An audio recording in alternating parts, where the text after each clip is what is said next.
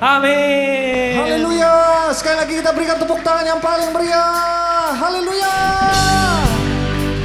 Let every nation, every living creature praise him. Praise our Lord God Jesus. Yay!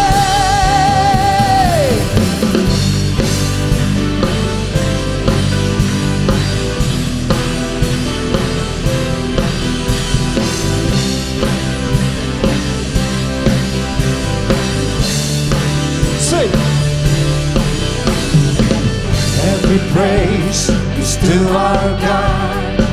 Every word of worship with one accord. Every praise, every praise is to our God. Sing hallelujah to our God. Glory hallelujah is to our God. Every praise, every praise our God. Sing every praise, every praise is to our God. Every word of worship with one accord. Every praise, every praise is to our God. Sing hallelujah, Hallelujah is to our God. glory hallelujah is to our God. Every praise, Every praise, every praise is to our God. sing every praise, every praise is to our God.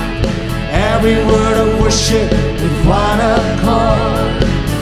Every praise, every praise is to our God.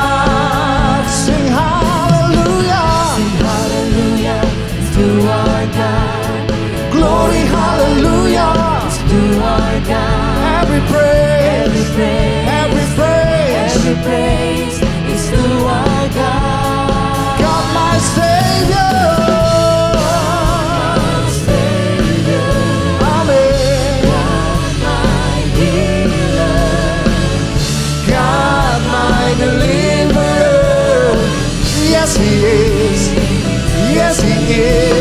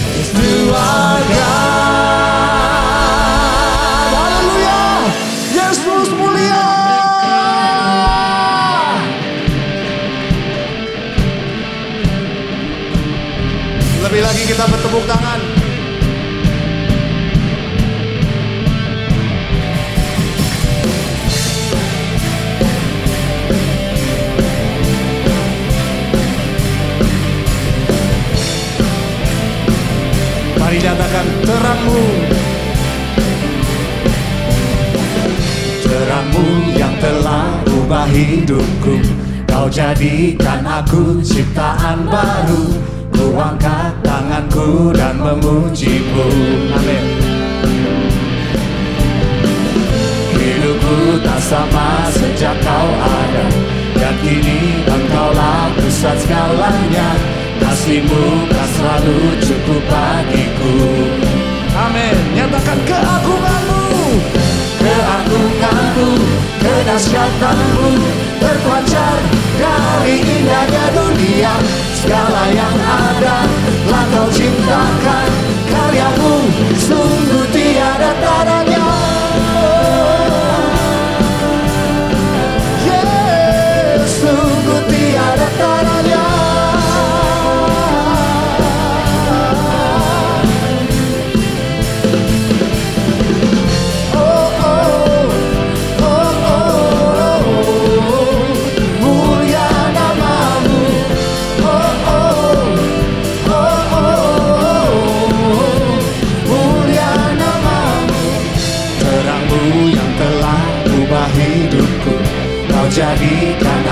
Ciptaan baru. Kuangkat tanganku dan memujimu. Hidupku tak sama Hidupku tak sama sejak kau ada.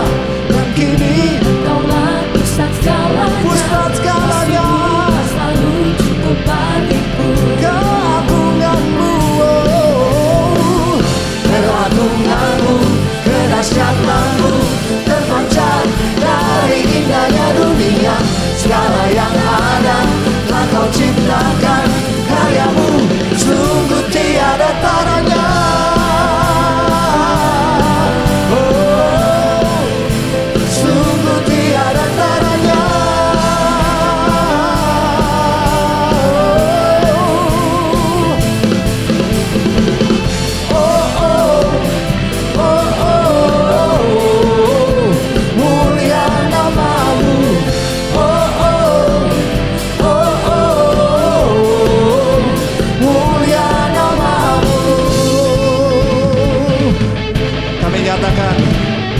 tempat ini.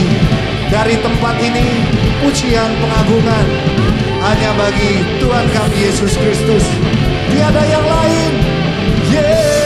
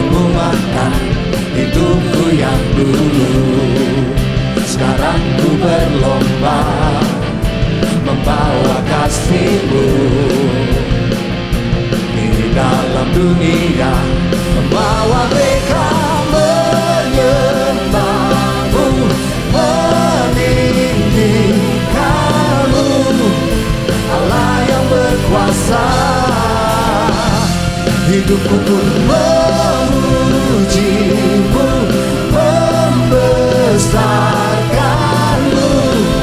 Segenap hatiku bersinar bagimu. Ayo jemaat Tuhan umat Tuhan bersinar bagi Allah kita dengan terangnya dan perbuatan yang baik bagi Allah kita. Haleluya. Nyatakan telah membuktikan kasihmu padaku. Kau yang mengubahkan hidupku yang dulu. Ayo kita berlomba. Sekarang ku berlomba Membawa kasihmu. Di mana? Di dalam dunia. Membawa mereka menyembahmu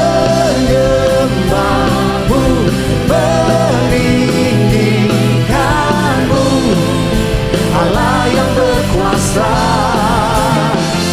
Hidupku pun memujimu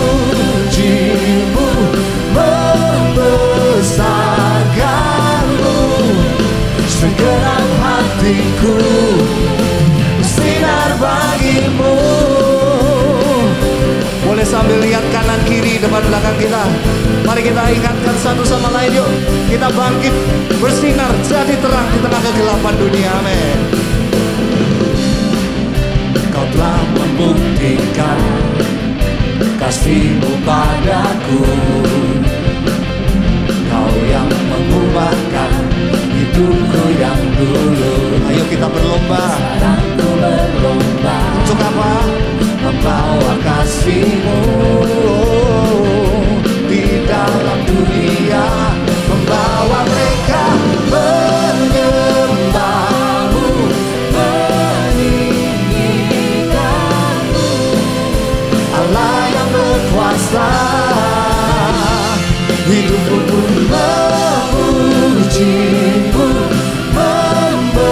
Membesarkan Segenap hatiku Segenap hatiku. Bagimu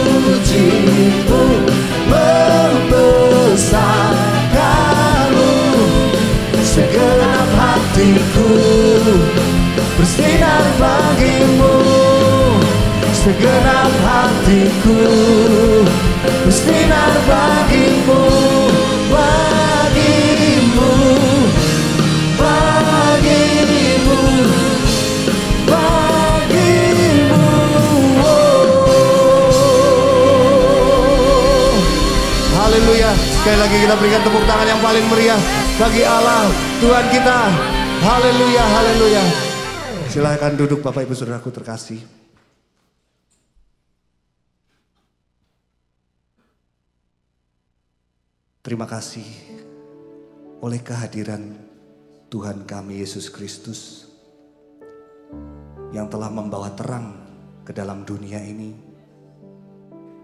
Kami semua manusia yang tadinya buta tidak tahu apa itu jalan kebenaran dan hidup. Namun oleh pengorbananmu, putramu yang tunggal, Tuhan kami Yesus Kristus, kami mengetahui jalan kebenaran dan hidup yang kekal itu. Melalui jalan yang sudah Tuhan kami tempuh, maka sudah sewajarnya, sudah sepantasnya kami mengikuti setiap jejak Tuhan kami Yesus Kristus. Ini kami Tuhan, mampukan kami untuk hidup dalam kebenaran-Mu Tuhan.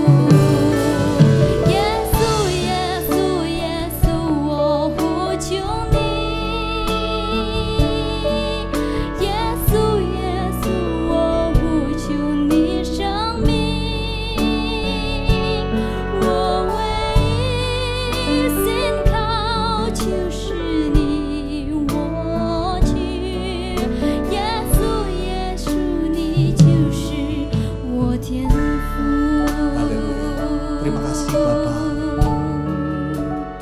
Terima kasih Bapak untuk setiap anugerah Tuhan. Mari nyatakan.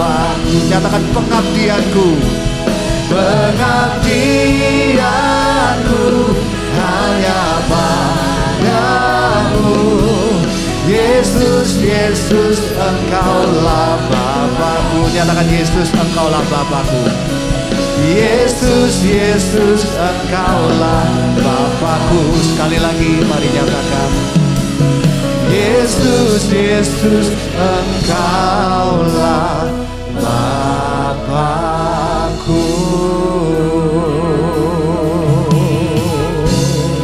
Haleluya, mari sembah Tuhan Mari sembah Bapa. Haleluya Ini umatmu yang berseru padamu ya Bapa. Oh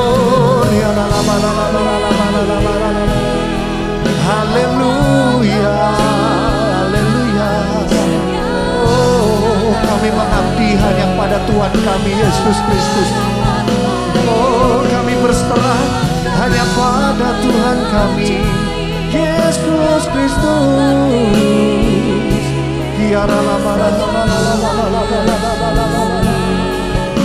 lama lama lama Kiranya kami menjadi umat yang setia di hadapanmu Bapa. Umat yang selalu mengiring Yesus. Lama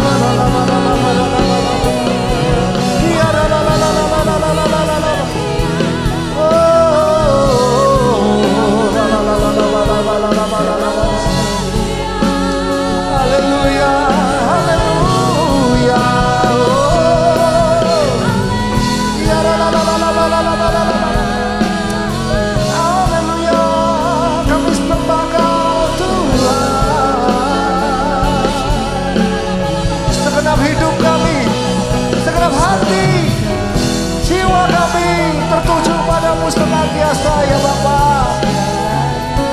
Oh, la la la la la la la la la la la la la la ya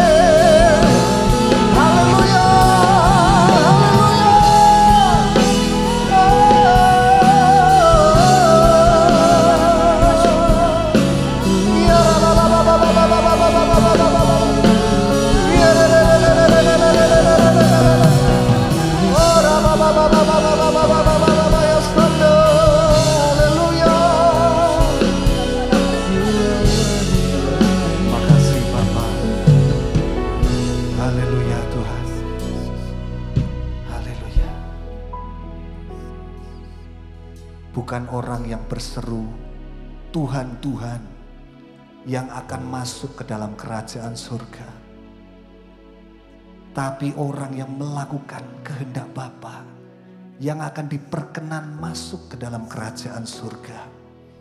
Kiranya itulah yang kami perkarakan seumur hidup kami Tuhan. Bagaimana kami berkenan, bagaimana kami di dalam seluruh aspek kehidupan kami ya Bapak. Kami melakukan kehendak-Mu Bapak. Kami tidak hidup menurut jalan-jalan kami sendiri Tuhan. Menurut akal dan pikiran kami sendiri. Dan kiranya roh kudus memimpin kami senantiasa menuju keserupaan dengan Tuhan kami Yesus Kristus. Pimpin kami ya Tuhan. Pimpin kami Tuhan.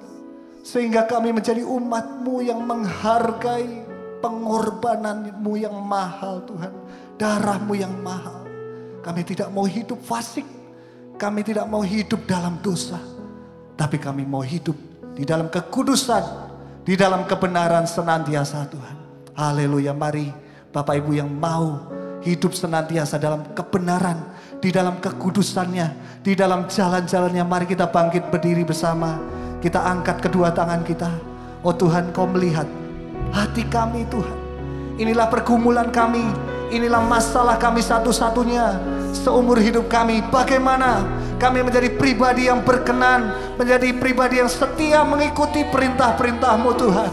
Haleluya, haleluya, haleluya. Mari nyatakan. Yesus, Yesus, Yesus ku berseru. Dengan suara yang keras nyatakan Yesus, Yesus ku panggil namamu. Amin. Pengabdianku hanya padamu. Yesus, Yesus Yesus, Yesus, Yesus, Yesus ku berseru. Oh, Yesus, Yesus ku panggil namamu. Hanya kepadanya lah kita berbakti. Hanya kepada Tuhan Allah kita satu-satunya kita berbakti dan mengabdi.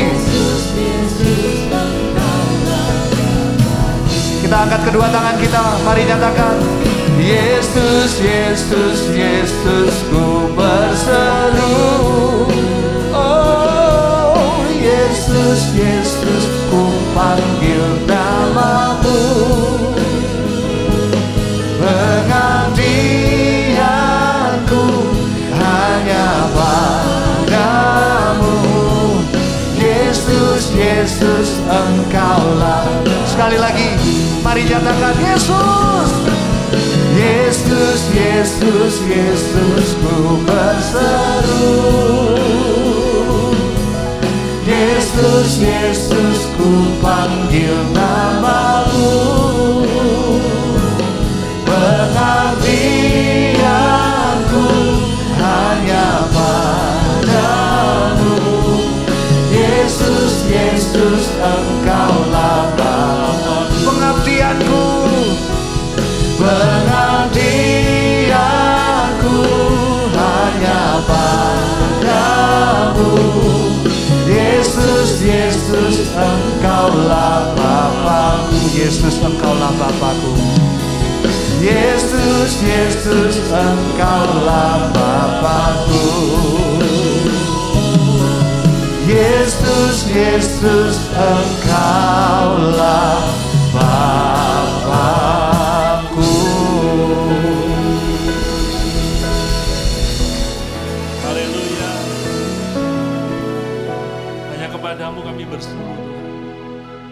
kami tahu pertolongan kami hanya datang daripada Tuhan. Nah, itu biarlah sepanjang umur hidup kami Tuhan. Kami boleh terus ada di dalam Tuhan. Kami boleh terus ada di dalam jalan-jalanmu Tuhan. Karena kami percaya jalanmu yang terbaik bagi setiap kami.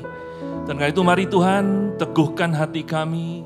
Teguhkan iman kami pagi hari ini untuk kami tetap ada di dalam Tuhan. Terima kasih Tuhan. Tolong hambamu untuk menyampaikan kebenaran firmanmu. Biar semuanya yang hambamu sampaikan hanya berasal daripadamu semata-mata. Karena hambamu hanya mengandalkan engkau Tuhan. Dan biarlah apa yang hambamu sampaikan. Karena semuanya berasal daripadamu. Jadi berkat buat kami semua. Dan tolong kami untuk bisa melakukannya roh kudus dalam kehidupan kami. Supaya nama Tuhan Yesus dipermuliakan. Terima kasih. Dengan sukacita dan ucapan syukur. Kami sambut firman Tuhan di dalam nama Tuhan Yesus Kristus. Haleluya. Yang sepakat sama-sama katakan. Amin. Sekali lagi berikan tepuk tangan yang terbaik bagi Tuhan. Haleluya. Silakan duduk Bapak Ibu Saudara. Selamat pagi semuanya. Shalom. Ya, baik Bapak Ibu Saudara yang ada di tempat ini maupun yang mengikuti ibadah dari rumah ya. Melalui live streaming, puji Tuhan pagi hari ini kita bisa beribadah bersama-sama. Ya, dan saya rindu membagikan firman Tuhan ini biar jadi berkat buat kita semua, saudara.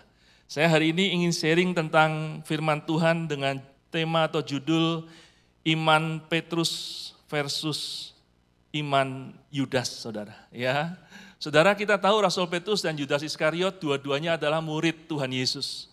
Bahkan termasuk bilangan termasuk dari 12 orang rasul, saudara. Dan kita pasti berkata, kita pasti menduga bahwa pasti saudara ya, kedua-duanya baik Rasul Petrus maupun Yudas Iskariot percaya dan beriman kepada Tuhan Yesus. Betul saudara? Ya, tetapi nanti melalui apa yang akan saya sampaikan kita mau sama-sama lihat saudara, apakah iman mereka sama ya. Karena nanti saudara kita akan lihat ternyata ada perbedaan saudara. Ya, nah mari nanti kita akan lihat waktu kita dengarkan firman ini. Saudara, kalau kita baca keempat kitab Injil, saudara, maka di sana nanti kita akan temukan bahwa paling tidak pernah ada tiga pribadi, tiga pihak yang ditegur oleh sangat keras. Ya, ditegur dengan sangat keras oleh Tuhan Yesus. Bahkan sampai dikatakan iblis, saudara. Ya, yang pertama, saudara, yang ditegur dengan sangat keras oleh Tuhan Yesus adalah Rasul Petrus. Ya, Saudara, kalau nanti kita baca dalam Matius pasal 16, saudara, mulai ayat 21, dikatakan bahwa Tuhan Yesus memberitahukan kepada murid-muridnya bahwa dia harus pergi ke Yerusalem. Dan di Yerusalem, Tuhan Yesus harus menanggung banyak penderitaan dari imam-imam kepala, tua-tua, ahli Taurat, saudara. Bahkan dia akan dibunuh, tapi dia akan dibangkitkan, dia akan bangkit pada hari yang ketiga. Ya, Nah saudara waktu dengar perkataan Tuhan Yesus seperti itu, Rasul Petrus segera menarik Tuhan Yesus ke samping dan dia berkata, Tuhan, sekali-kali Allah tidak akan membiarkan itu terjadi. Ya, biarlah hal-hal itu dilalukan daripadamu. Nah, saudara, waktu Rasul Petrus berkata seperti itu, saudara, di dalam ayat 23-nya Matius 16, Tuhan Yesus berkata demikian kepada Rasul Petrus, saudara. Maka Yesus berpaling dan berkata kepada Petrus, Enyahlah iblis, engkau suatu batu sandungan bagiku. Sebab engkau bukan memikirkan apa yang dipikirkan Allah, melainkan apa yang dipikirkan oleh manusia. Ya, saudara Rasul Petrus ditegur oleh Tuhan Yesus bahkan dikatakan iblis dan diusir suruh enyah saudara. Ya, saudara kita bacanya mungkin enteng saudara ya, tapi bayangkan kalau itu yang kita yang mengalami saudara, kira-kira rasanya seperti apa? Terlebih saudara, sebelum di perikop sebelumnya saudara, dimulai ayat 13 sampai dengan 20 di Matius 16 ini, Rasul Petrus baru dipuji oleh Tuhan Yesus. Ya, waktu itu Tuhan Yesus tanya sama murid-muridnya, menurut kata orang siapa sih aku ini? Ya, dan ada yang ngomong menurut kata orang kamu Elia, kamu Yeremia dan lain sebagainya. Lalu Tuhan tanya, kalau menurut kamu aku ini siapa? Dan Rasul Petrus dengan segera berkata, engkau adalah Mesias anak Allah yang hidup. Ya, dan Tuhan Yesus mengatakan kepada Rasul Petrus, Hai Simon bin Yunus berbahagialah engkau, karena bukan manusia yang menyatakan itu kepadamu, melainkan Bapakku yang di surga. Dengan kata lain, Tuhan Yesus berkata, wah hebat kamu Simon, ya, kamu mengerti pikiran-pikirannya Bapak, ya. Tetapi baru sejurus Rasul Petrus dipuji dengan segera ditegur dengan sangat keras, dikatakan bahkan dia adalah i, iblis, bahkan diusir, saudara. Baru belum lama dipuji bahwa kamu waduh hebat, kamu ini mengerti pikiran-pikiran Bapak, tapi kemudian langsung ditegur, kamu nggak memikirkan apa yang Bapak pikirkan, tapi memikirkan apa yang manusia pikirkan. Ya, saudara, ini ibaratnya habis diangkat tinggi langsung dibanting, saudara. Ya, kira-kira mudah nggak saudara mengalami hal seperti ini? Nggak mudah, saudara ya.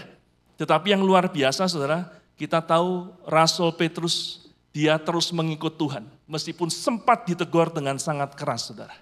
Ya, bahkan Rasul Petrus dijadikan soko guru, dijadikan gembala yang pertama, dipercaya untuk memimpin jemaat mula-mula, saudara. Nah, itu yang pertama yang ditegur dengan sangat keras oleh Tuhan Yesus. Yang kedua, saudara, yang pernah ditegur dengan sangat keras oleh Tuhan Yesus adalah ahli Taurat, orang Farisi, dan orang-orang Yahudi. Nanti kalau sudah baca Yohanes pasal 8, mulai ayat yang pertama, saudara akan temukan kisah eh, wanita yang kedapatan berjinah lalu dihadapkan kepada Tuhan Yesus untuk supaya dirajam. Tapi kita tahu akhirnya wanita ini selamat saudara ya. Nah setelah peristiwa itu saudara, Tuhan Yesus berdiskusi, bersoal jawab dengan orang Farisi, ahli Taurat, dan orang-orang Yahudi. Dan Tuhan Yesus berbicara tentang banyak hal kepada mereka. Tetapi orang-orang Farisi, ahli Taurat, orang-orang Yahudi selalu mendebat, selalu membantah apa yang Tuhan Yesus katakan, saudara. Dan sampai suatu titik, akhirnya Tuhan Yesus menegur mereka. Ya, dalam Yohanes 8 ayat 44 bagian A, mari kita baca sama-sama saudara. Mudah-mudahan kelihatan tulisannya. Mari kita baca dengan suara keras. Dua, satu. Iblislah yang menjadi bapamu. Dan kamu ingin melakukan keinginan-keinginan bapamu. Ia adalah pembunuh manusia sejak semula dan tidak hidup dalam kebenaran. Ya, Saudara, Tuhan Yesus menegur orang-orang Yahudi, orang Farisi, ahli Taurat dengan sangat keras, bahkan sampai mengatakan kamu ini adalah iblis. Nah, kenapa saudara Tuhan Yesus sampai menegur mereka? Ya, karena saudara dalam ayat 24-nya dikatakan begini, karena itu tadi aku berkata kepadamu bahwa kamu akan mati dalam dosamu sebab jikalau kamu apa? Tidak percaya bahwa akulah dia, kamu akan mati dalam dosamu. Ya, saudara, Tuhan Yesus menegur orang Yahudi, ahli Taurat, orang Farisi dengan sangat keras karena mereka selalu membantah apa yang Tuhan katakan. Dan kenapa mereka selalu membantah? Karena pada dasarnya mereka tidak per percaya. Karena itu Tuhan Yesus sampai suatu titik marah, menegur mereka, bahkan mengatakan, kamu adalah iblis. Bapakmu adalah iblis. Ya, kalau Rasul Petrus ditegur kenapa Saudara?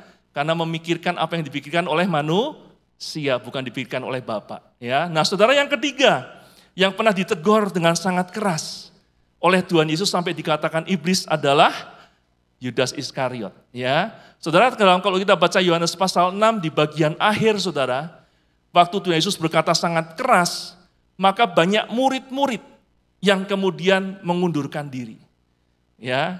Nah, setelah banyak yang meninggalkan Tuhan Yesus, Tuhan Yesus bertanya kepada rasul-rasul yang 12 orang dan mungkin ada beberapa lagi, kamu nggak ninggalin aku juga, ya? Mereka berkata, oh enggak, kami ini percaya kok sama kamu, kata murid-murid kepada Tuhan Yesus. Tetapi saudara, dalam ayat 70 sampai 71-nya, Yesus, jawab Yesus kepada mereka, bukankah aku sendiri yang telah memilih kamu yang 12 ini? Namun seorang di antaramu adalah iblis. Yang dimaksudkannya ialah Yudas anak Simon Iskariot atau Yudas Iskariot. Yudas Iskariot juga ditegur atau dikatakan oleh Tuhan Yesus dia adalah iblis, saudara. Nah, kenapa Yudas Iskariot sampai disebut Tuhan sebagai iblis, saudara? Dalam ayat 64-nya, saudara, dikatakan begini, tetapi di antaramu ada yang tidak percaya. Sebab Yesus tahu dari semula siapa yang tidak percaya dan siapa yang akan menyerahkan dia. Saudara, dalam bahasa lain ya, terjemahan lain Alkitab Indonesia Saudara ya, dikatakan begini, sebab Yesus tahu dari semula siapa-siapa saja yang tidak percaya dan siapa yang akan menyerahkan dia. Dengan kata lain, di antara murid-murid itu ada beberapa loh. Meskipun mereka murid ternyata mereka tidak percaya. Bahkan ada satu yang bukan hanya tidak percaya tapi akan menyerahkan dia, yaitu siapa? Yudas Iskariot. Kalau Yudas Iskariot percaya, nggak mungkin dia menyerahkan Tuhan Yesus. Amin, saudara. Ya, karena itulah saudara, Tuhan Yesus mengatakan Yudas sebagai iblis. Nah, saudara, kalau dari Rasul Petrus ditegur dengan sangat keras karena dia tidak berpikir apa yang Bapak pikirkan, tapi memikirkan apa yang manusia pikirkan. Ya, kalau orang Yahudi, ahli Taurat, ahli Farisi, saudara orang Farisi, mereka ditegur karena mereka tidak percaya. Tapi ternyata saudara, Yudas Iskariot ditegur dengan sangat keras juga karena tidak percaya. Ini agak sedikit aneh saudara. Kenapa? Karena Yudas Iskariot itu adalah murid Tuhan Yesus. Bahkan bukan hanya sekedar murid, dia termasuk dari 12 orang rasul, sama seperti Simon Petrus. Tapi ternyata Yudas Iskariot tidak percaya kepada Tuhan Yesus. Karena itu tadi saya katakan ya, di awal bahwa kita pasti menduganya Yudas Iskariot pasti percaya, punya iman karena itu dia jadi muridnya Tuhan Yesus sama seperti Simon Petrus. Ya, bahkan termasuk golongan 12 rasul. Tapi ternyata Saudara, Tuhan Yesus berkata bahwa Yudas bukan orang percaya. Dia nggak percaya kepada Tuhan Yesus. Kenapa saudara? Karena ternyata saudara, kata percaya, ya, next tolong, ya. Kata percaya dalam bahasa Yunaninya saudara itu disebutkan sebagai pisteo saudara atau pistis. Ya. Dan kalau disimpulkan, saya simpulkan apa sih pistis itu? Pisteo itu percaya yang Tuhan maksudkan adalah rasa percaya kepada Tuhan yang menyebabkan seseorang mengalami perubahan cara hidup dan bisa mempercayakan dirinya kepada Tuhan. Itulah percaya atau iman yang dimaksudkan dalam Alkitab. Dan kalau saudara nanti pelajari saudara, kata iman seperti ini itu hanya ada di perjanjian baru saudara. Karena itu dalam perjanjian baru Tuhan membawa kita, menuntut kita, mengajak kita bukan hanya sekedar percaya, tapi rasa percaya kita harus membawa perubahan cara hidup dalam diri kita, saudara. Dan iman percaya kita harus membuat kita bisa mempercayakan diri kita kepada Tuhan. Amin. Bukan hanya percaya, tapi berubah dan bisa mempercayakan diri. Itu iman atau percaya yang Tuhan inginkan ada dalam kehidupan orang percaya. Nah, karena itu, saudara, kalau dikatakan Yudas Iskariot itu tidak percaya, itu artinya saudara, dia imannya dia kepada Tuhan Yesus tidak membawa perubahan hidup dan juga tidak membuat dia mempercayakan dirinya, mempercayakan hidupnya kepada Tuhan Yesus. Amin, Saudara. Amin. Ya. Artinya Saudara, kalau Tuhan Yesus menginginkan atau meminta ya kita supaya punya iman yang menyebabkan kita mengalami perubahan hidup dan bisa mempercayakan diri kita kepada Tuhan, maka waktu Tuhan Yesus menyebutkan Yudas Iskariot itu tidak percaya, artinya iman percayanya Yudas Iskariot kepada Tuhan Yesus tidak membawa perubahan dalam hidupnya dan tidak membuat dia bisa mempercayakan dirinya kepada Tuhan. Ya, dari mana kita tahu Saudara? Saudara dalam Yohanes 12, waktu Tuhan Yesus ada di rumahnya Lazarus, ada seorang wanita membawa minyak narwastu dan kemudian mengurapi Tuhan Yesus dengan minyak narwastu itu, bahkan menyeka kaki Tuhan Yesus dengan rambutnya, Saudara. Dan di situ juga ada Yudas Iskariot. Dan dalam Yohanes 12 ayat 4 sampai 6 dikatakan begini Saudara. Tetapi Yudas Iskariot seorang dari murid-murid Yesus yang akan segera menyerahkan dia berkata, Mengapa minyak narwastu ini tidak dijual 300 dinar dan uangnya diberikan kepada orang-orang miskin? Hal itu dikatakannya bukan karena ia memperhatikan nasib orang-orang miskin, melainkan karena ia adalah apa saudara? Seorang pencuri. Ia sering mengambil uang yang disimpan dalam kas yang dipegangnya. Saudara, jadi Yudas Iskariot ini sebenarnya saudara dia istimewa loh saudara. Dia bukan hanya sekedar murid, tapi dia termasuk dari 12 rasul. Bahkan dipercaya dalam tim pelayanan Tuhan Yesus untuk memegang keuangan saudara. Tapi ternyata saudara, Yudas Iskariot sering mengambil uang kas yang dia pegang itu. Artinya apa saudara? Artinya begini, sebelum Yudas Iskariot ikut Tuhan Yesus, dia adalah seorang pencuri. Tetapi setelah dia ikut Tuhan Yesus, dia tetap jadi seorang pencuri. Sehingga dikatakan dia sering mengambil uang kas yang dipegangnya. Bahkan saudara karena itulah akhirnya karena dia tidak bertobat, tidak mengalami perubahan hidup. Awalnya dia hanya mengambil kasnya Tuhan Yesus, tapi akhirnya dia menjual Tuhan Yesusnya dengan 30 keping perak. Ya, Saudara, karena itu saudara kita mesti lebih sungguh-sungguh untuk sering introspeksi diri kita. Sebenarnya kita ini sungguh-sungguh percaya enggak sih? Karena ingat saudara, percaya yang dimaksudkan oleh Tuhan Yesus dalam Alkitab adalah iman kepada Tuhan Yesus yang membawa perubahan hidup dalam diri kita dan membuat kita bisa mempercayakan diri kita kepada Tuhan.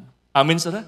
Karena itu kalau kita percaya Tuhan Yesus, ikut Tuhan Yesus, bahkan sudah lama ikut Tuhan Yesus, tapi kita nggak mengalami perubahan hidup, kita tidak bisa mempercayakan diri kita kepada Tuhan, atau bahkan mungkin hidup kita jadi lebih tidak baik dari sebelumnya. Waduh, saudara, saya khawatir, saudara. Iman percaya kita bukan seperti imannya Rasul Petrus, tapi seperti Yudas Iskariot. Dan itu akan bisa membawa masalah besar dalam kehidupan kita. Ya, bahkan bisa membuat kita tidak ada di dalam Tuhan, saudara.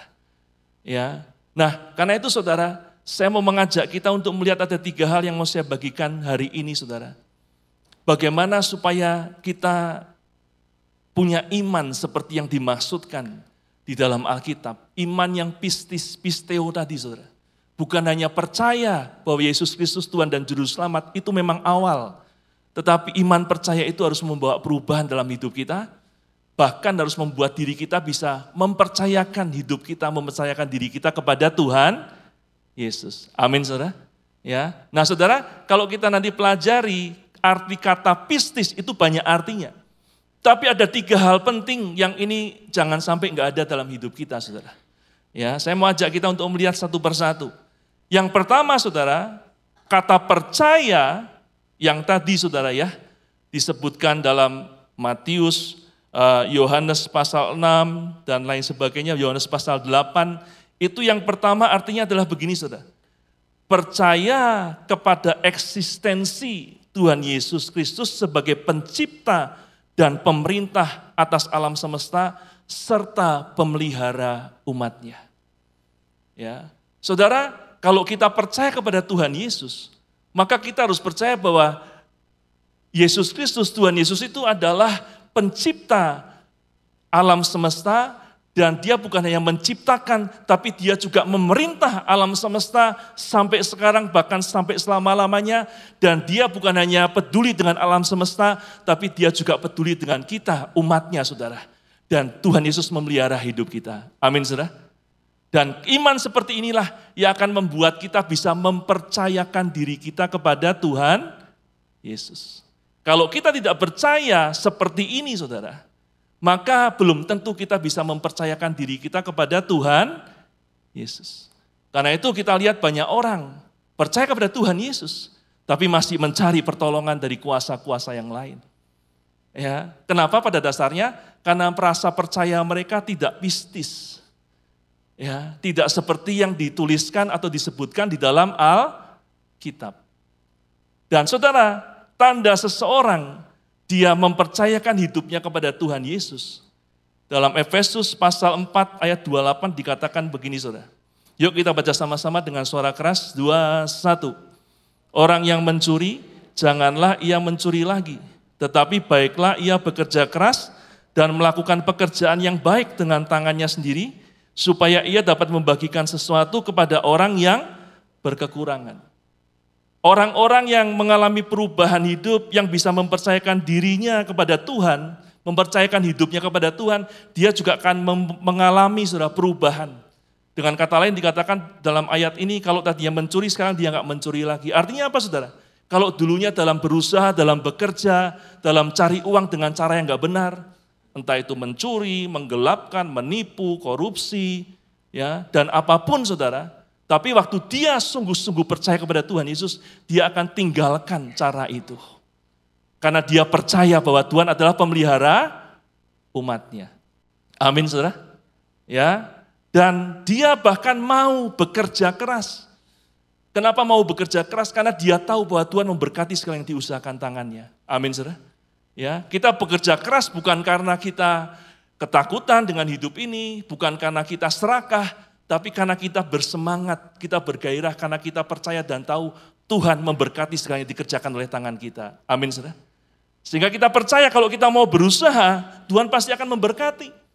Dan sehingga aku nggak perlu usaha kerja cari uang dengan cara-cara yang nggak benar.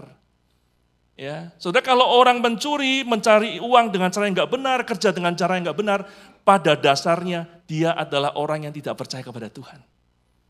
Karena itu dia harus cari uang kerja sampai dengan cara seperti itu, saudara. Kalau dia percaya kepada Tuhan, dia nggak akan mungkin melakukan hal seperti itu. Amin. Dan orang yang mencuri, orang yang bekerja cari uang dengan cara yang nggak benar, dia bukan yang nggak percaya sama Tuhan, tapi dia sebenarnya nggak percaya sama dirinya sendiri ya sehingga dia merasa kalau saya kerja benar nggak mungkin saya bisa dapat uang, nggak mungkin bisa cukup dan lain sebagainya. Karena itu iman yang benar di dalam Tuhan harus membuat kita bisa mempercayakan diri kita kepada Tuhan. Amin, saudara. Ya, sehingga kita mengalami perubahan di hidup yang nggak benar dulu nggak apa-apa, tinggalkan. Tapi sekarang harus benar di dalam Tuhan. Amin, saudara. Ya, saudara Belakangan ini saya rada miris saudara ya, karena kalau kita lihat ada cukup banyak orang-orang yang berurusan dengan hukum, tertangkap karena penipuan, karena kejahatan keuangan. Itu kalau kita lihat namanya, kita pasti tahu dia orang Kristen loh saudara. Ya, tapi kenapa mesti seperti itu saudara? Nah jangan sampai kita mengalami hal yang seperti ini saudara. Amin. Ya, saudara termasuk dalam masa sukar sekalipun, kita sekarang sedang mengalami masa yang gak mudah. Memang betul saudara. Tapi jangan sampai itu membuat kita melakukan hal-hal yang tidak sesuai dengan kebenaran firman Tuhan. Amin saudara. Memang Alkitab juga sudah mengatakan akan ada masa sukar. Tapi Alkitab juga mencatat janji-janji firman Tuhan. Dan semuanya harus digenapi. Masa sukar memang akan terjadi. Tetapi janji Tuhan juga akan digenapi dalam hidup kita. Amin saudara. Karena itu waktu kita menghadapi masa yang gak mudah, kita harus tetap percaya kepada Tuhan. Dan kalau kita percaya, kita bisa mempercayakan hidup kita kepada Tuhan. Sehingga kita tidak melakukan jalan-jalan pintas, saudara. Amin, saudara. Ya, karena itu kuncinya yang penting adalah kita harus sungguh-sungguh di dalam Tuhan. Karena ingat, berkat kita, pertolongan kita hanya datang dari Tuhan. Bahkan berkat yang kita dapatkan ini bukan juga dari pekerjaan kita, saudara. Pekerjaan kita, usaha kita, profesi kita, keahlian kita, itu hanya saluran berkat dari Tuhan untuk Tuhan memberkati kita. Tapi berkat kita yang sesungguhnya datang dari Tuhan. Amin, saudara. Orang seahli, sehebat apa pun, tapi kalau nggak diberkati Tuhan, dia tetap, tetap bisa susah, saudara. Ya, dalam mencari peng, penghasilan. Karena itu yang utama, yang penting adalah kita harus sungguh-sungguh di dalam Tuhan. Amin, saudara. Sepanjang kita ada di dalam Tuhan, jangan khawatir dengan apa pun juga. Karena seperti saya katakan tadi, memang masa sukar, masa sulit sudah dituliskan dalam Alkitab.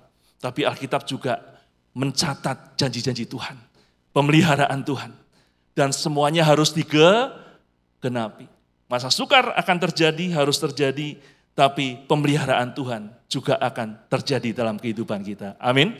Karena itu yang penting kita sungguh-sungguh di dalam Tuhan. Nah karena itu saudara, kalau kita mau sungguh-sungguh di dalam Tuhan, yang kedua saudara, kata pisteo atau pistis percaya, itu artinya yang kedua adalah Orang yang percaya kepada Tuhan Yesus, orang yang punya semangat iman pistis, dia pasti akan punya semangat suci yang lahir dari iman kepada Tuhan Yesus.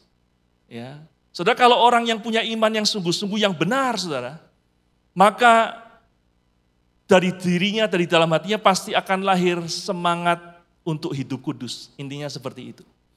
1 Petrus 1 ayat 16 berkata, Kuduslah kamu sebab aku kudus. Waktu kita percaya kepada Tuhan Yesus, kalau Tuhan Yesus ada di dalam diri kita, kalau kita sungguh-sungguh lahir baru, maka pasti firman itu juga ada di dalam kita. Sehingga firman itu akan membuat kita punya kerinduan, punya semangat, punya keinginan, punya punya kehausan untuk kita bisa hidup kudus. Mungkin kita bisa salah, kita bisa jatuh, kita bisa keliru.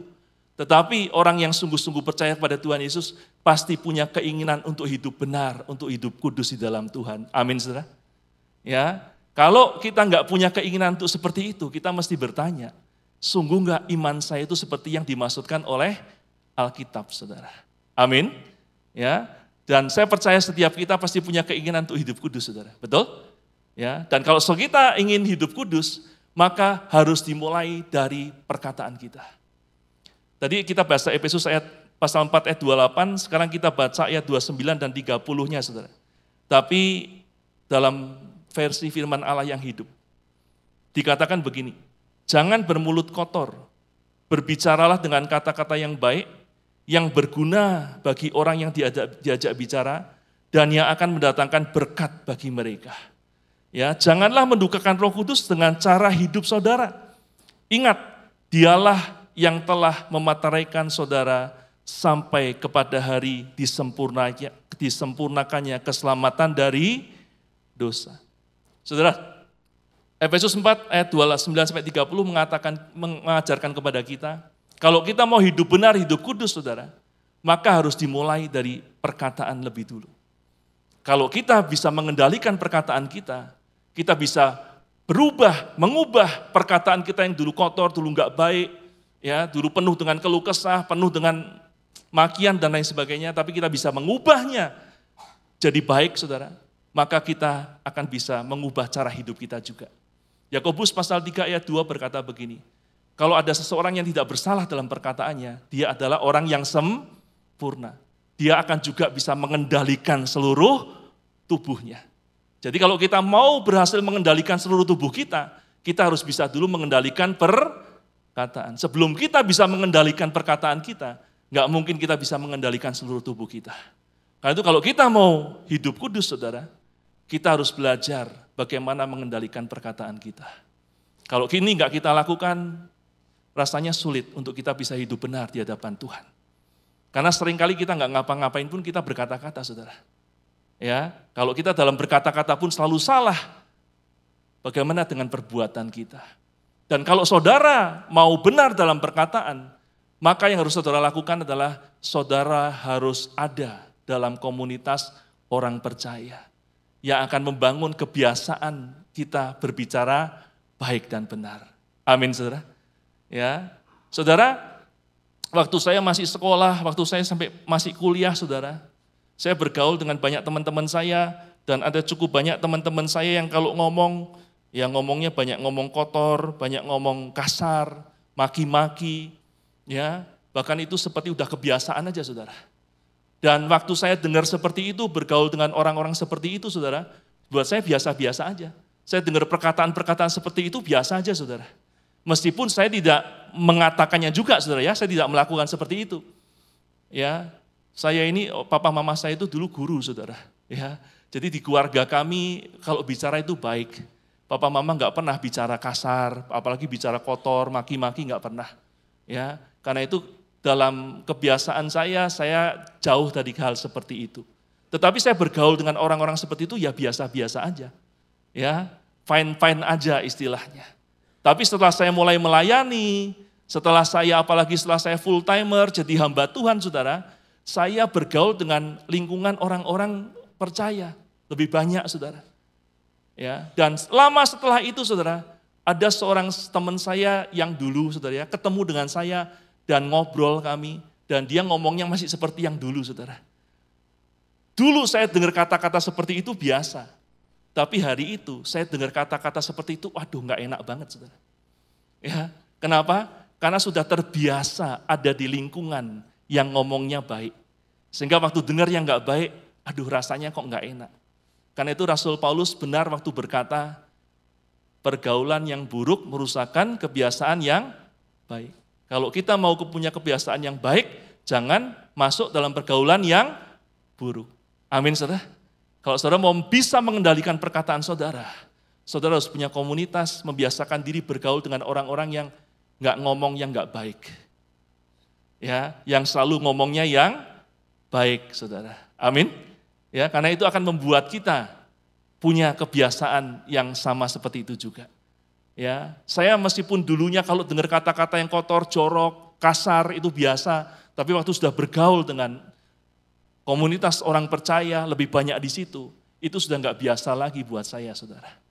Ya, sehingga kalau itu terjadi, kita punya harapan kita bisa mengubah perkataan kita. Yang dulu nggak baik, sekarang jadi baik.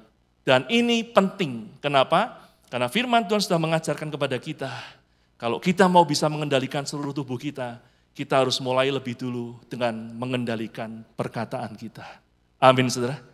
Ya, karena itu ayo saudara, kita harus ada dalam pergaulan yang baik dengan orang-orang percaya. Kita memang nggak bisa eksklusif, nggak bisa eh, apa ya, menjauhkan diri dari masyarakat, dari lingkungan. Tapi kita tetap harus punya komunitas yang baik, supaya kita dijaga. Sehingga kita tetap punya kebiasaan-kebiasaan yang baik. Tidak terpengaruh oleh kebiasaan yang buruk. Amin saudara. Dan ini penting karena ini akan mempengaruhi bagaimana masa depan kita. Karena itu sekali lagi, iman yang benar pasti akan membawa kita untuk rindu. Kita bisa hidup benar, hidup kudus. Dan itu harus dimulai dari kita menjaga perkataan kita. Dan kalau kita mau menjaga perkataan kita tetap baik, kita harus ada di dalam komunitas orang percaya. Amin, saudara. Kalau itu kita lakukan, kita punya harapan kita bisa menguasai seluruh tubuh kita sehingga kita bisa hidup untuk memuliakan Tuhan. Yang ketiga, yang terakhir Saudara, kata pistis atau pisteo ya di dalam Alkitab itu disebutkan dapat diandalkan. Artinya orang yang percaya kepada Tuhan Yesus, dia harus jadi orang yang dapat diandalkan. Tanda seseorang imannya benar kepada Tuhan Yesus, maka itu bisa dilihat dia dapat diandalkan atau tidak.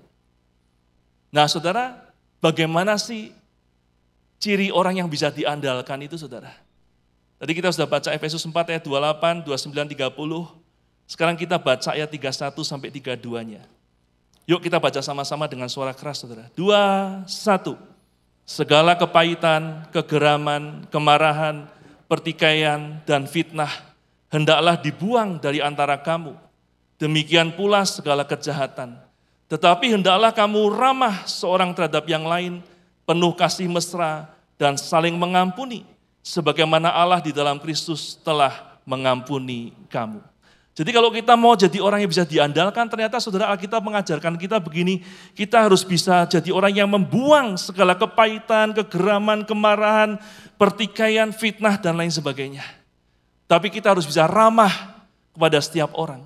Atau dengan kata lain saudara, kalau kita mau jadi orang yang bisa diandalkan, kita harus jadi orang yang tidak mudah kesinggungan, tidak mudah kepahitan, tidak mudah kecewa, tidak mudah marah, tidak mudah bertengkar. Amin, saudara. Kenapa, saudara? Karena saya perhatikan, saudara, dalam pelayanan ada cukup banyak orang, saudara ya. Yang waktu pelayanannya mereka luar biasa. Mereka pelayanan sungguh-sungguh, tulus, komitmen, bayar harga, kasih waktu, gak pernah nolak apa pun yang ditugaskan. Ya, pokoknya pelayanan mereka saudara kalau mau dikasih jempol ini kurang saudara. Jempol tangan dua sama kaki dua masih kurang saudara. Karena mereka jempolnya harus lima minimal saudara. Karena pelayanannya saking he, hebat. Dapat diandalkan. Untuk apa pun juga yang diperlukan mereka selalu ada, mau, bersedia, selesaikan. Tetapi tiba-tiba pelayanan yang luar biasa itu bisa rontok saudara. Hanya karena karena sakit, hanya gara-gara sakit hati. Gara-gara ke kecewa, gara-gara marah, gara-gara tersinggung. Sehingga orang yang tadinya luar biasa, tiba-tiba jadi biasa di luar, saudara. Ya, tadinya kalau pelayanan luar biasa, tapi sekarang yang luar biasa itu jadi, wah, hancur sama sekali. Orang yang tadinya baik bisa jadi jahat hanya gara-gara sakit hati, gara-gara tersinggung. Karena itu saudara, kalau kita mau jadi orang yang diandalkan, kita harus bisa jaga hati kita. Jadi orang tidak boleh gampang kesinggung, gampang kecewa, gampang marah. Jadi orang jangan gampang pundung bahasa Jermannya saudara. Amin. Ya, saudara, kenapa Rasul Petrus meskipun ditegur oleh Tuhan dengan sangat keras, hei iblis enyah engkau. Itu teguran keras nggak saudara? Keras enggak? Ya, kalau saudara yang digituin kira-kira gimana saudara? Udah melayani luar biasa, ibadah rajin, ya sama pemimpin saudara, pembimbing rohani saudara, dikatain, eh iblis kamu, nyah. Kalau saudara kira-kira gimana? Nah ini biasa nih kalau ditanya begini pura-pura nggak dengar saudara ya. Pura-pura nggak ngerti apa sih maksudnya apa sih. Kalau saudara yang dibegitukan kira-kira gimana saudara? saudara tetap ada atau saudara segera angkat kaki. Tapi hebatnya Rasul Petrus, dia tetap setia sama Tuhan. Kenapa? Karena Rasul Petrus bukan orang yang mudah tersinggung, tidak mudah marah. Dia bisa kuasai hatinya sehingga dia bisa buang semua itu. Dan karena itu Tuhan Yesus tahu ini orang bisa diandalkan. Amin. Dan nyatanya Rasul Petrus bisa diandalkan saudara? Bisa diandalkan. Karena itu Tuhan minta dia untuk mengembalakan domba-dombanya. Bahkan tiga kali Tuhan sampai minta Rasul Paulus, gembalakanlah domba-dombaku. Gembalakanlah domba-dombaku. Kenapa? Karena Tuhan tahu Rasul Petrus orang yang bisa diandalkan. Dan kalau saudara imannya percaya sungguh-sungguh pada Tuhan, saudara pasti akan jadi orang yang bisa diandalkan. Dan tandanya saudara nggak mudah marah. Bukan hanya di gereja, tapi juga di keluargamu. Jangan kalau di gereja, waduh shalom ya di rumah piring habis dibanting-banting, saudara. Itu nggak nggak matching imannya, saudara. Amin. Saudara mau oh, jadi orang yang bisa diandalkan di gereja maupun di keluargamu. Jaga hati, jangan mudah tersinggung kepada pasangan kita, kepada orang tua kita, kepada anak-anak kita. Dan dari saudara akan nyata bahwa iman kita, iman yang pistis, yang sejati kepada Tuhan Yesus.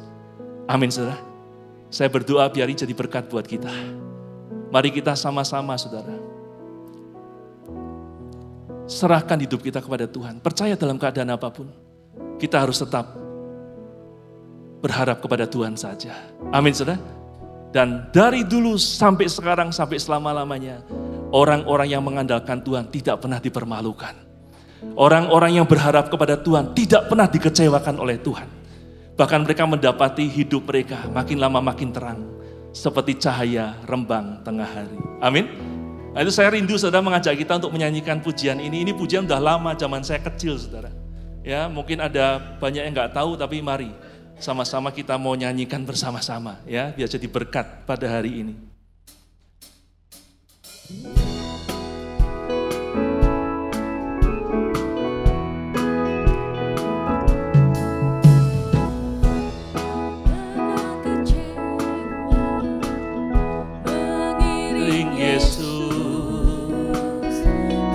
pernah kecil.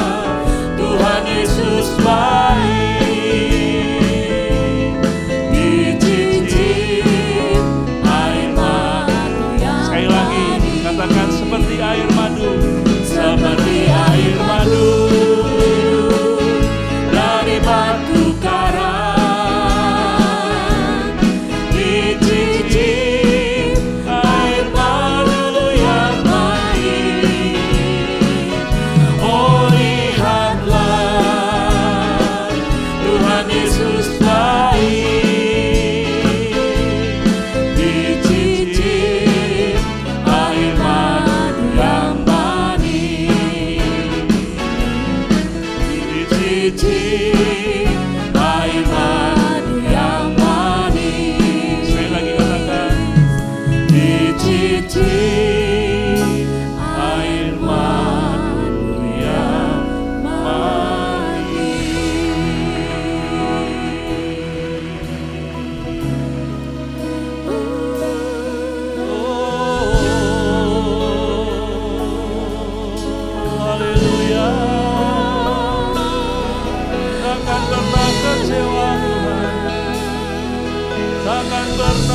teu amor.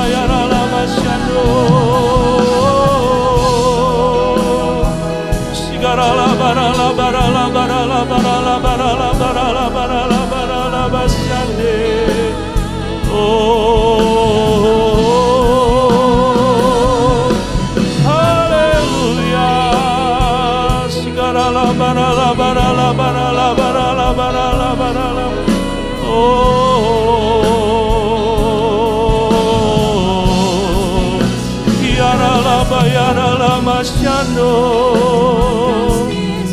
Hinarala masyane. Oh, yarala bayarala bayarala bayarala bayarala barala barala barala bayarala mo. Shigarala barala barala barala barala barala barala barala barala barala. Ora basanda ramayarala. Hallelujah. Ora bataka barala barala. Mari saudara dalam waktu yang singkat, mari kita gunakan waktu ini untuk introspeksi sebentar hidup kita. Bagaimana dengan iman kita saat ini? Apakah kita masih tetap pandang Tuhan? Atau pandangan kita sudah beralih pada dunia ini? Sehingga hati kita penuh dengan kekhawatiran. Masihkah kita tetap berkata, aku percaya pada Tuhan? Atau kita berkata, aduh gimana nih hidup ya? Gimana begini, begitu, dan lain sebagainya. Aduh nanti gimana masa depanku? Jangan biarkan dunia mengubah iman kita jadi iman yang gak sejati, saudara. Tapi biar iman kita tetap jadi iman yang pistis. Iman yang tetap percaya dia Tuhan. Berkuasa memerintah atas segala sesuatu. Dia Tuhan yang pelihara hidupku. Ora masyikarala basyandarala barala barala. Apakah kita masih tetap menjaga diri kita supaya kita hidup dalam kekudusan? Kita berjuang untuk itu. Apakah kita sampai saat ini masih tetap menjaga setiap perkataan yang keluar dari mulut kita? Dalam menghadapi kecewa, marah, geram sekalipun, apakah kita masih tetap berjuang untuk mengendalikan kata-kata kita? Atau kita sudah jadi orang yang mudah melampiaskan kemarahan begitu saja? Jangan biarkan apa yang kita alami mengubah iman kita. Dan apakah kita masih menjaga diri kita supaya kita bisa tetap diandalkan oleh Tuhan, diandalkan oleh keluarga, diandalkan oleh gereja untuk setiap hal yang Tuhan percayakan kepada kita. Atau kita mudah meninggalkan apa pun juga hanya karena kecewa, marah, dan lain sebagainya. Rasul Petrus bahkan pernah menyangkal Tuhan, saudara. Tapi karena imannya sejati di air hidupnya, waktu penganiayaan jemaat terjadi di Roma, Rasul Petrus melarikan diri dan dia sudah keluar dari kota Roma. Tapi Tuhan yang sudah bangkit itu menjumpai dia. Dan waktu ketemu dengan Tuhan Yesus, Rasul Petrus bertanya, Tuanku, Tuhanku, engkau mau ke mana? Dan Tuhan berkata, aku mau ke Roma untuk disalibkan. Setelah itu Tuhan hilang. Dan Rasul Petrus tahu, Tuhan mau supaya dia kembali ke Roma untuk menanggung salib itu. Dan Rasul Petrus yang sudah lolos dari Roma, dia berbalik dan kembali ke Roma, saudara. Membiarkan dirinya ditangkap dan disalibkan. Dari seorang yang menyangkal Tuhan, tapi jadi orang yang rela menyerahkan nyawanya untuk Tuhan. Itulah iman, percaya, bisnis kepada Tuhan. Iman yang membawa perubahan hidup. Dan iman yang membuat kita bisa mempercayakan diri kita kepada Tuhan. Hambamu berdoa buat jemaatmu di tempat ini dalam nama Yesus. Kau yang tahu Tuhan, setiap pergumulan, setiap kesusahan kami. Engkau yang pernah menanggung semua cobaan, yang dialami oleh manusia. Kami percaya Engkau mengetahui keadaan setiap kami Tuhan. Dan hambamu berdoa dalam nama Yesus. Biar Tuhan tolong setiap umatmu di tempat ini. Apa pun yang sedang dihadapi. Biar kami boleh tetap menjaga iman percaya kami. Iman percaya yang sejati Tuhan. Seperti yang firman Tuhan perintahkan kepada kami dalam nama Yesus. Dan hambamu berdoa biar kekuatan dari Tuhan yang memampukan kami untuk berjalan dalam kebenaran-Mu. Dan namamu berdoa seiring umatmu di tempat ini taat melakukannya. Tuhan memberkati kehidupan mereka. Tuhan memberkati setiap usaha pekerjaan mereka. Keuangan umatmu Tuhan berkati. Sehingga di masa sukar sekalipun kami tetap merasakan ada pekerjaan, ada mujizat, ada anugerah dari Yehova Jireh itu. Yang menyediakan semua keperluan kami yang memelihara hidup kami dalam nama Yesus. Berkati setiap rumah tangga, setiap suami istri, setiap pernikahan dijaga oleh Tuhan. Sehingga suami istri hidup setia satu dengan yang lain. Hidup rukun harmonis bersama dalam nama Yesus. Berkati anak-anak kami Tuhan dalam sekolah stadinya, dalam pekerjaan mereka juga Tuhan buat berhasil dalam nama Yesus. Dan berkati setiap umat jemaatmu di tempat ini Tuhan. Maupun yang mengikuti dari rumah masing-masing. Biar semuanya boleh ada dalam keadaan baik-baik dan sehat-sehat karena anugerah Tuhan. Untuk kemuliaan nama Tuhan. Terima kasih Tuhan. Hambamu serahkan juga Tuhan seluruh rekan-rekan pekerja di tempat ini. Biar semuanya oleh kuasa Tuhan, oleh anugerah pengurapan Tuhan, kami semua boleh jadi pekerja-pekerja pelayan Tuhan yang dapat diandalkan. Yang selalu berdiri untuk setiap apa yang Tuhan percayakan dalam hidup kami. Dan kami nggak pernah mundur daripadanya. Terima kasih Tuhan. Berkati hambamu Pak Yan Eliaster dan Ibu Esther Tuhan yang mengembalakan di tempat ini. Biar Tuhan beri pengurapan, hikmat, kekuatan. Dan Tuhan tuntun senantiasa untuk boleh membawa umatmu Tuhan. Jadi umat yang layak bagi Tuhan. Terima kasih. Kami juga berdoa buat para pemimpin rohani kami. Berkati hambamu Pak Budiman Setiono, Pak Lukas Suherli, Pak Lukas Yonatan, dan semua gembala cabang Tuhan. Biar semuanya selalu dalam, dalam pengurapan yang dari Tuhan. Hikmat dari yang, yang dari Tuhan menuntun para pemimpin kami. Supaya semuanya berjalan di dalam rancangan Tuhan yang sempurna. Dalam nama Yesus. Kami juga berdoa Tuhan untuk kota, bangsa, dan negara kami. Terima kasih Tuhan, kami berdoa untuk kota Bandung, Lembang Tuhan, Padalarang, Cimahi. Biar semuanya ada dalam damai sejahtera, ada dalam sentosa yang dari Tuhan. Berkati seluruh penduduknya Tuhan dalam nama Yesus. Berkati juga negara kami Indonesia. Biar Indonesia boleh terus maju Tuhan oleh anugerah Tuhan dan jadi berkat buat bangsa-bangsa lain. Berkati kalau sebentar lagi kami akan menghadapi pemilu. Tuhan tolong biar di masa-masa ini kota, bangsa, negara kami tetap aman, tetap damai Tuhan. Dijauhkan dari konflik-konflik, dijauhkan dari pertikaian dalam nama Yesus. Biar Tuhan yang memberkati pemerintah negara kami. Tuhan berkati Pak Presiden Jokowi, Tuhan, Pak, Pak Wakil Presiden Ma'ruf Amin, beserta dengan semua jajaran pemerintahan dan aparat keamanan TNI Polri, semuanya diberikan hikmat oleh Tuhan, sehingga boleh menjaga negara ini tetap aman, damai, sentosa oleh karena anugerah Tuhan dan untuk kemuliaan nama Tuhan.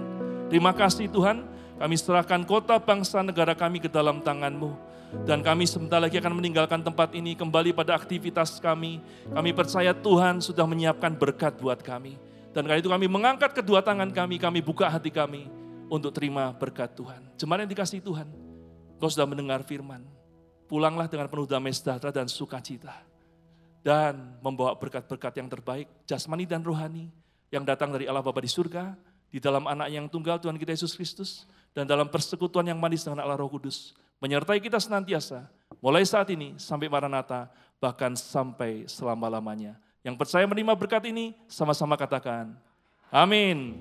Selamat pagi Bapak Saudara, Tuhan memberkati.